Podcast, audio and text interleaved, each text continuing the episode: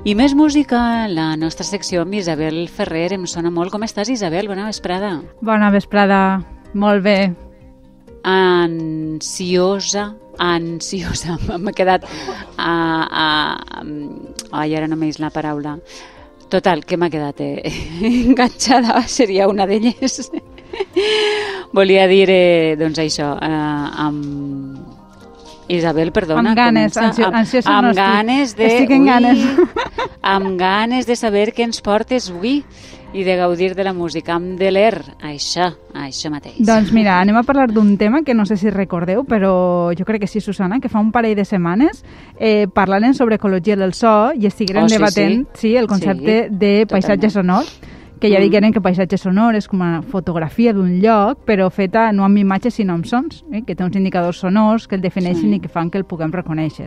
Jo vaig posar l'exemple d'un partit de bàsquet eh, on per a reconèixer-nos podem escoltar el soroll de les sabatilles, els aplaudiments, els crits d'ànim, la sirena que marca el final del temps, eh, el xiulet de l'àrbitre, i per per això diguen que tot això ens dibuixa un lloc, eh, quasi com ho faré una fotografia amb, amb imatges. Sí, totalment. El, el, la remor de la gent en, en una fira, en, en Eh, un mercat, sí, vull dir, En una sí, estació, sí, ho recordem. sí, molts. efectivament. Eh, ho recordem bé, perfectament. Al, al final, no sé si recordeu que, que també comentàrem que això que avui en dia ens resulta molt senzill perquè ho podem enregistrar i transportar d'un lloc a un altre es fa un poc més difícil si pensem en el passat. Com sonava un espai de fa dos segles? No, no ho podem saber. Clar. Bueno, ho és difícil de saber. I, de fet, i és del que parlem avui, no podem saber ni tan sols com sonaria la música en si, tot i que disposem de partitures. Ah, no? Perquè sí que és cert que per a les persones que, que no sabem llegir música, no, les partitures poden ser un misteri, però, clar, jo pensava que per als músics, no? Doncs sí, sí, sí. Bé, primer de tot s'ha de pensar que en origen les partitures eren només una guia per ajudar a la memòria. Això què vol dir? Doncs que més que tindre absolutament totes les indicacions marcades, se suposava que qui anava a llegir-la ja tenia molts coneixements d'eixa música i només li donaves quatre indicacions per a que no es perdera i recordara un poc la melodia, que ja sabia. Ah, això és com, sigui, com un guió, no? Un esquema musical.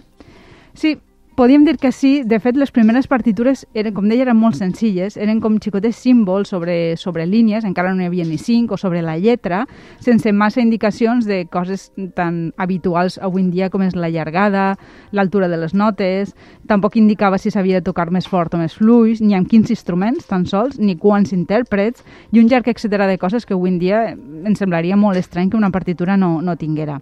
Això va fer que, per exemple, en la música medieval, que és l'època on disposem de les primeres partitures semblants a les actuals, es pensara al principi que la música era molt monòtona, perquè no hi havia massa coses escrites.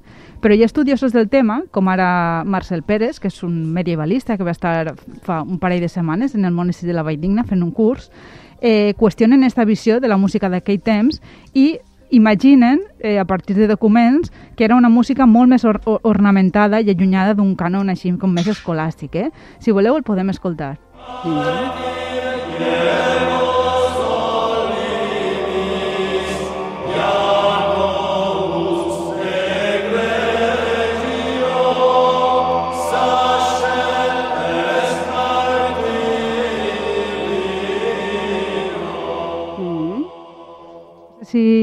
escol, no sé si escolteu que té un timbre com molt més nasal i va fent com unes ornamentacions a vegades i com un vibrat sí, que fins i tot ens ressona sí. Sí, un poc no sé com àrab. dir-ho, clar. Sí, sona, la, la veu sona com més nasal, també és un timbre diferent a altres versions que s'han fet de la música medieval. I Uh -huh. aleshores eh, té més color i per això que ens fa pensar no, en, en, esta, en que tot no està en la partitura, perquè poden existir um, este tipus d'ornamentació i no ho sabem. Eh, de tota manera, tornant al tema eh, de- d'això que dèiem, no? de que la partitura siga com una guia o un esquema, Sí. a mi m'agrada més imaginar-me com una recepta de cuina. Una recepta de cuina, tu tens els ingredients, tots els ingredients es, els poses i no sempre el resultat és el, és el mateix, no? Encara que la recepta a vegades pot ser com molt pot ser molt vaga, per dir-ho així, amb quatre instruccions, o també molt, detallat, molt detallada. Um, en les partitures passa el mateix. Podem trobar-ne algunes que siguin molt senzilles i altres molt complexes, però uh, el resultat final pot variar depenent de la interpretació que fem del que posa en la partitura, fins i tot quan és molt detallada. Ja, i amb el tema de la cuina ho veig claríssim, no? Eh, perquè està clar, quatre ingredients, tu fas una recepta, jo la mateixa i segurament no, no cuinarem el mateix. Però no sé si del tot amb la música. Bé, si voleu, jo el que volia fer avui per a, per a que ho vegem més clar és explicar alguns dels factors que, amb la mateixa partitura en mà, dos interpretacions de que fan dos grups o dos músics poden sonar molt diferents. I cap de les dos estarà malament, eh, per dir-ho així. Són... Eh, senzillament és que fa aquests factors que no sapiguem exactament com sonaven les músiques del passat. Un, el primer factor, i ara us pareixerà una cosa sense importància, però no ho és tant, és el número d'instrumentistes. En les partitures no està indicat quantes persones havien de tocar cadascun dels papers. Aleshores, eh, quan en una orquestra d'avui dia, per exemple, agafen una obra del barroc, eh, fins fa només unes quantes dècades no es plantejaven que potser les orquestres del barroc no eren tan grans. Sí, aleshores, per exemple, una orquestra actualment pot tindre 80-90 músics tranquil·lament, però en el barroc potser no passaven dels 30. Mm, clar, és que de 30 a 90 músics, eh, Isabel, entenc que pot canviar molt, no?, el, el volum. El volum pot canviar, òbviament, són molts músics de diferència, però no només el volum, sinó també el que diguem el caràcter de la música. Eh? I com això del caràcter és poc explicable, poc objectivable, anem uh -huh. a escoltar-ho amb un exemple a partir d'una obra que estic seguríssima que conegueu de Händel.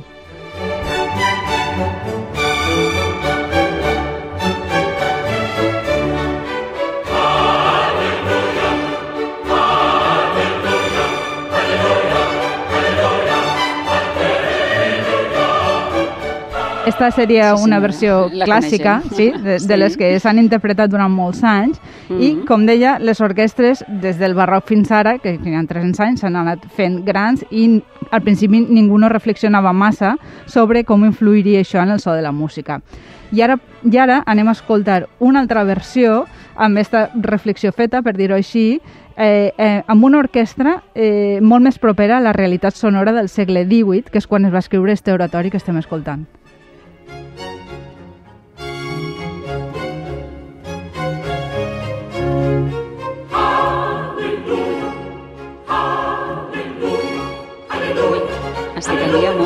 La sonoritat, no? És, és una altra cosa totalment diferent. O sigui, la música és la mateixa, però que, mm, canvia el número de músics i el caràcter també, perquè ja no és una cosa massiva, eh, sinó és una cosa un poc mm. més... Tot i que en el moment sí que també volia semblar un poc massiu. El que passa és que canvia la, la mida. Um, de tota manera, en aquest cas, he fet un poc de trampa, perquè a més del número de músics, hi ha altres factors importants que influeixen en el canvi sonor. Un és l'estil d'interpretació, que després en parlarem, però l'altre ja no és només el número d'instruments, sinó els instruments en si. Quan Windy agafem un instrument, està fet amb materials moderns i amb tota una tecnologia que no estava en el passat. Per exemple, si penseu en un clarinet, que és aquest instrument negre de fusta que té moltes claus mm. de metall, doncs aquestes sí. claus del metall en l'època del barroc no estaven, perquè els van construir després. Sí. La fusta tampoc era la mateixa que ara. Eh, mm. Per exemple, en el cas dels instruments de vent metall, la trompeta, la trompa, Eh, cap d'ells no tenia botons, eh? això que vegeu cap ple com unes tecletes, això no existia encara. Aleshores, eh, per exemple, en el cas de la trompa, eh, hi havia notes que sonaven pitjor que altres, amb una pitjor qualitat, aleshores després ja es van inventar els botons per a evitar això. Anem a, per exemple, escoltar una obra de Mozart amb una trompa que imita les trompes de finals del 18, que és l'època d'aquest compositor.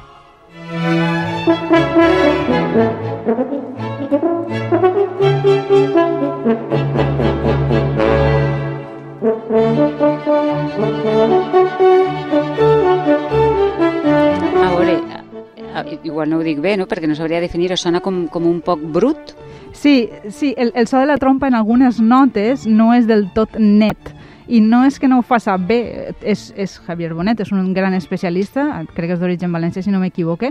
El que passa és que eh, en la forma de la trompa d'aquell temps, aquestes notes sonaven així per la pròpia morfologia de l'instrument. Clar, després van voler perfeccionar-ho i inventaren, eh, com vos deia, eh, el, els cilindres, els pistons, depèn de, de, de, cada, de cada instrument de metall. I aquelles persones del barroc, per a ells, este era el so habitual de, clar, de la trompa. Clar, clar. Uh -huh. Però això aleshores entenc que està interpretat amb una trompa de molts anys.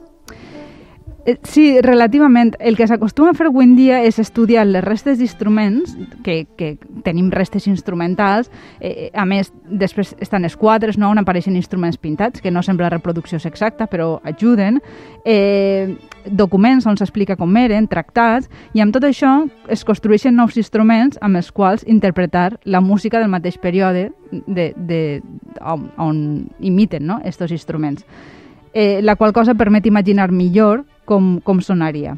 És a dir, si vull saber com sonaria una partitura de la segona meitat del segle XVIII, faig rèpliques sí. dels instruments de la segona meitat del segle XVIII. No sona exactament igual, però sí que s'acosta més que si toquem amb instruments construïts en el segle XXI, clar. Mm. Perquè, clar, Isabel, jo entenc que agafar instruments antics eh, es podrien trencar, no? Si és que en tenim, que no sé si se'n conserven molt. Sí, en tenim, no moltíssims, la veritat, però sí que en tenim, i hi ha alguns que després de restauracions continuen funcionant bé, encara que cal anar molt en compte amb, amb tocar-los, no? perquè poden arribar a, a espatllar-se. Si voleu, sentim com sonaria una guitarra construïda en el segle XVIII.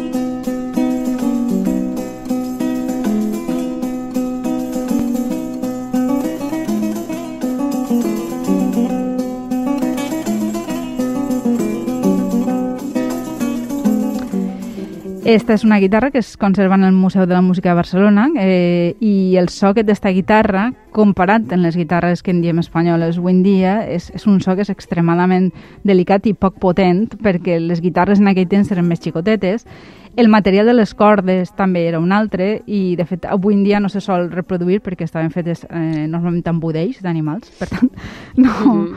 no s'acostumen a reproduir. Eh, però el so és tan diferent que avui en dia ja, de fet, és difícil que algun músic interpreti aquestes peces amb instruments actuals, que no siguin rèpliques del segle XVIII perquè canvia molt, molt el so. Clar. Eh, recordem que estem parlant sobre com seria la interpretació de la música fa segles i quines diferències podem trobar amb les interpretacions actuals. Sí, i, i hi ha un tema que, que voldria parlar, que l'hem esmentat breument abans, que és el tema de l'estil quan s'interpretava en el passat, ja he dit que hi havia coses que es feien pel costum que, que hi havia en aquella època, que tots els músics sabien i que, per tant, no les escrivien en la partitura. Això fa que si interpretem la partitura amb l'estil amb què toquem avui en dia, sona molt diferent a l'estil que hi ha constància que tocaven en aquell temps, eh? encara que no tinguem eh, interpretacions. Mm -hmm. Per entendre-ho del tot, eh, suposo que ens hauràs portat un exemple, no? Així va. Um, ara que estem amb tot el tema este d'Eurovisió, escoltem com sonaria la seva sintonia, que és una peça barroca, amb la versió oficial de en dia i després um, canviarem a com seria la que hagueren interpretat en el segle XVIII.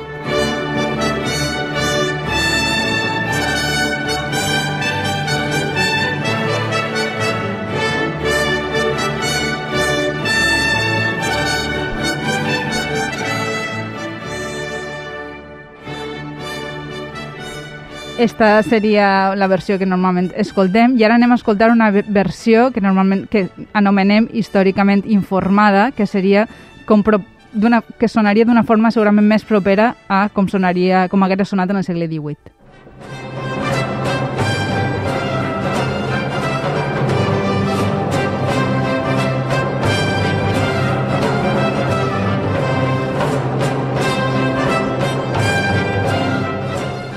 No sé si s'aprecia. Sí, s'aprecia, sí. Sí, hi ha moltíssims canvis, però un de molt evident és que en el segon cas hi ha unes modificacions fins i tot mètriques, és a dir, les notes duren ah. diferent. Fer aquestes modificacions era típic de la manera d'interpretar del barroc, però no s'escrivia i, per tant, les avui en dia no sabem exactament tampoc com era, no? Aleshores, hi ha gent que prefereix tocar-ho com en la primera versió i gent que opta per la segona. Mm -hmm. Clar, perquè eh, arribades a aquest punt, eh, jo em faig una pregunta. Quina versió és més adequada? La que faríem avui en dia o imitar el so del passat perquè seria més eh, ajustat a la realitat? Doncs no hi ha una resposta tancada i hi hauria com dos extrems, no? Un extrem que diu que com mai podrem saber exactament què pensava el compositor o compositora del passat perquè la partitura mai ho explica tot, qualsevol interpretació que fem més tard serà això, una interpretació, eh? no hi ha pràcticament un original. Després, a l'altre extrem, hi ha que diu que, d'acord, que això és cert, però que podem informar-nos quan més millor de quins seran els mitjans i els espais de la música en un determinat moment històric i intentar imitar al màxim eh, d'elements per a conèixer, saber, no? intentar escoltar realment com sonava la música, com va sonar en aquell temps. Després hi ha també qui opina que potser si imitarem al màxim les sonoritats del passat, potser no ens agradaria, eh? És allò que també passa amb el menjar, que si realment imitarem el menjar d'altres contrades, potser no ens agradaria perquè no estem acostumats a aquest gust, no? Mm, clar. Bé, jo crec que afortunadament avui en dia tenim mitjans i tecnologia per a infinitat de versions, així que jo animari, ani, vos animaria, si vos agrada alguna peça, escoltar-ne diverses i fer-vos la vostra pròpia opinió. Del tema i tal, clar que sí. Jo, eh, no ho sé, mm, pense que sí, hi ha evolució en, en totes les branques, no? en totes les disciplines artístiques també, es poden agafar coses de, doncs, el que s'ha fet sempre, allò que t'agrada i és interessant conservar-ho i el que no, doncs, eh, modificar-ho, adaptar-ho al pas del temps i als nous instruments i a la nova manera també de compondre música i de més. Molt interessant, com sempre. A mi la d'Eurovisió, la segona, m'ha- sobreexcitat una mica. Eh? Impactat, dir, sí, sí, eh, és un- és un altre món. És, sí, sí, com més, més, més, més, més en renou per ahí.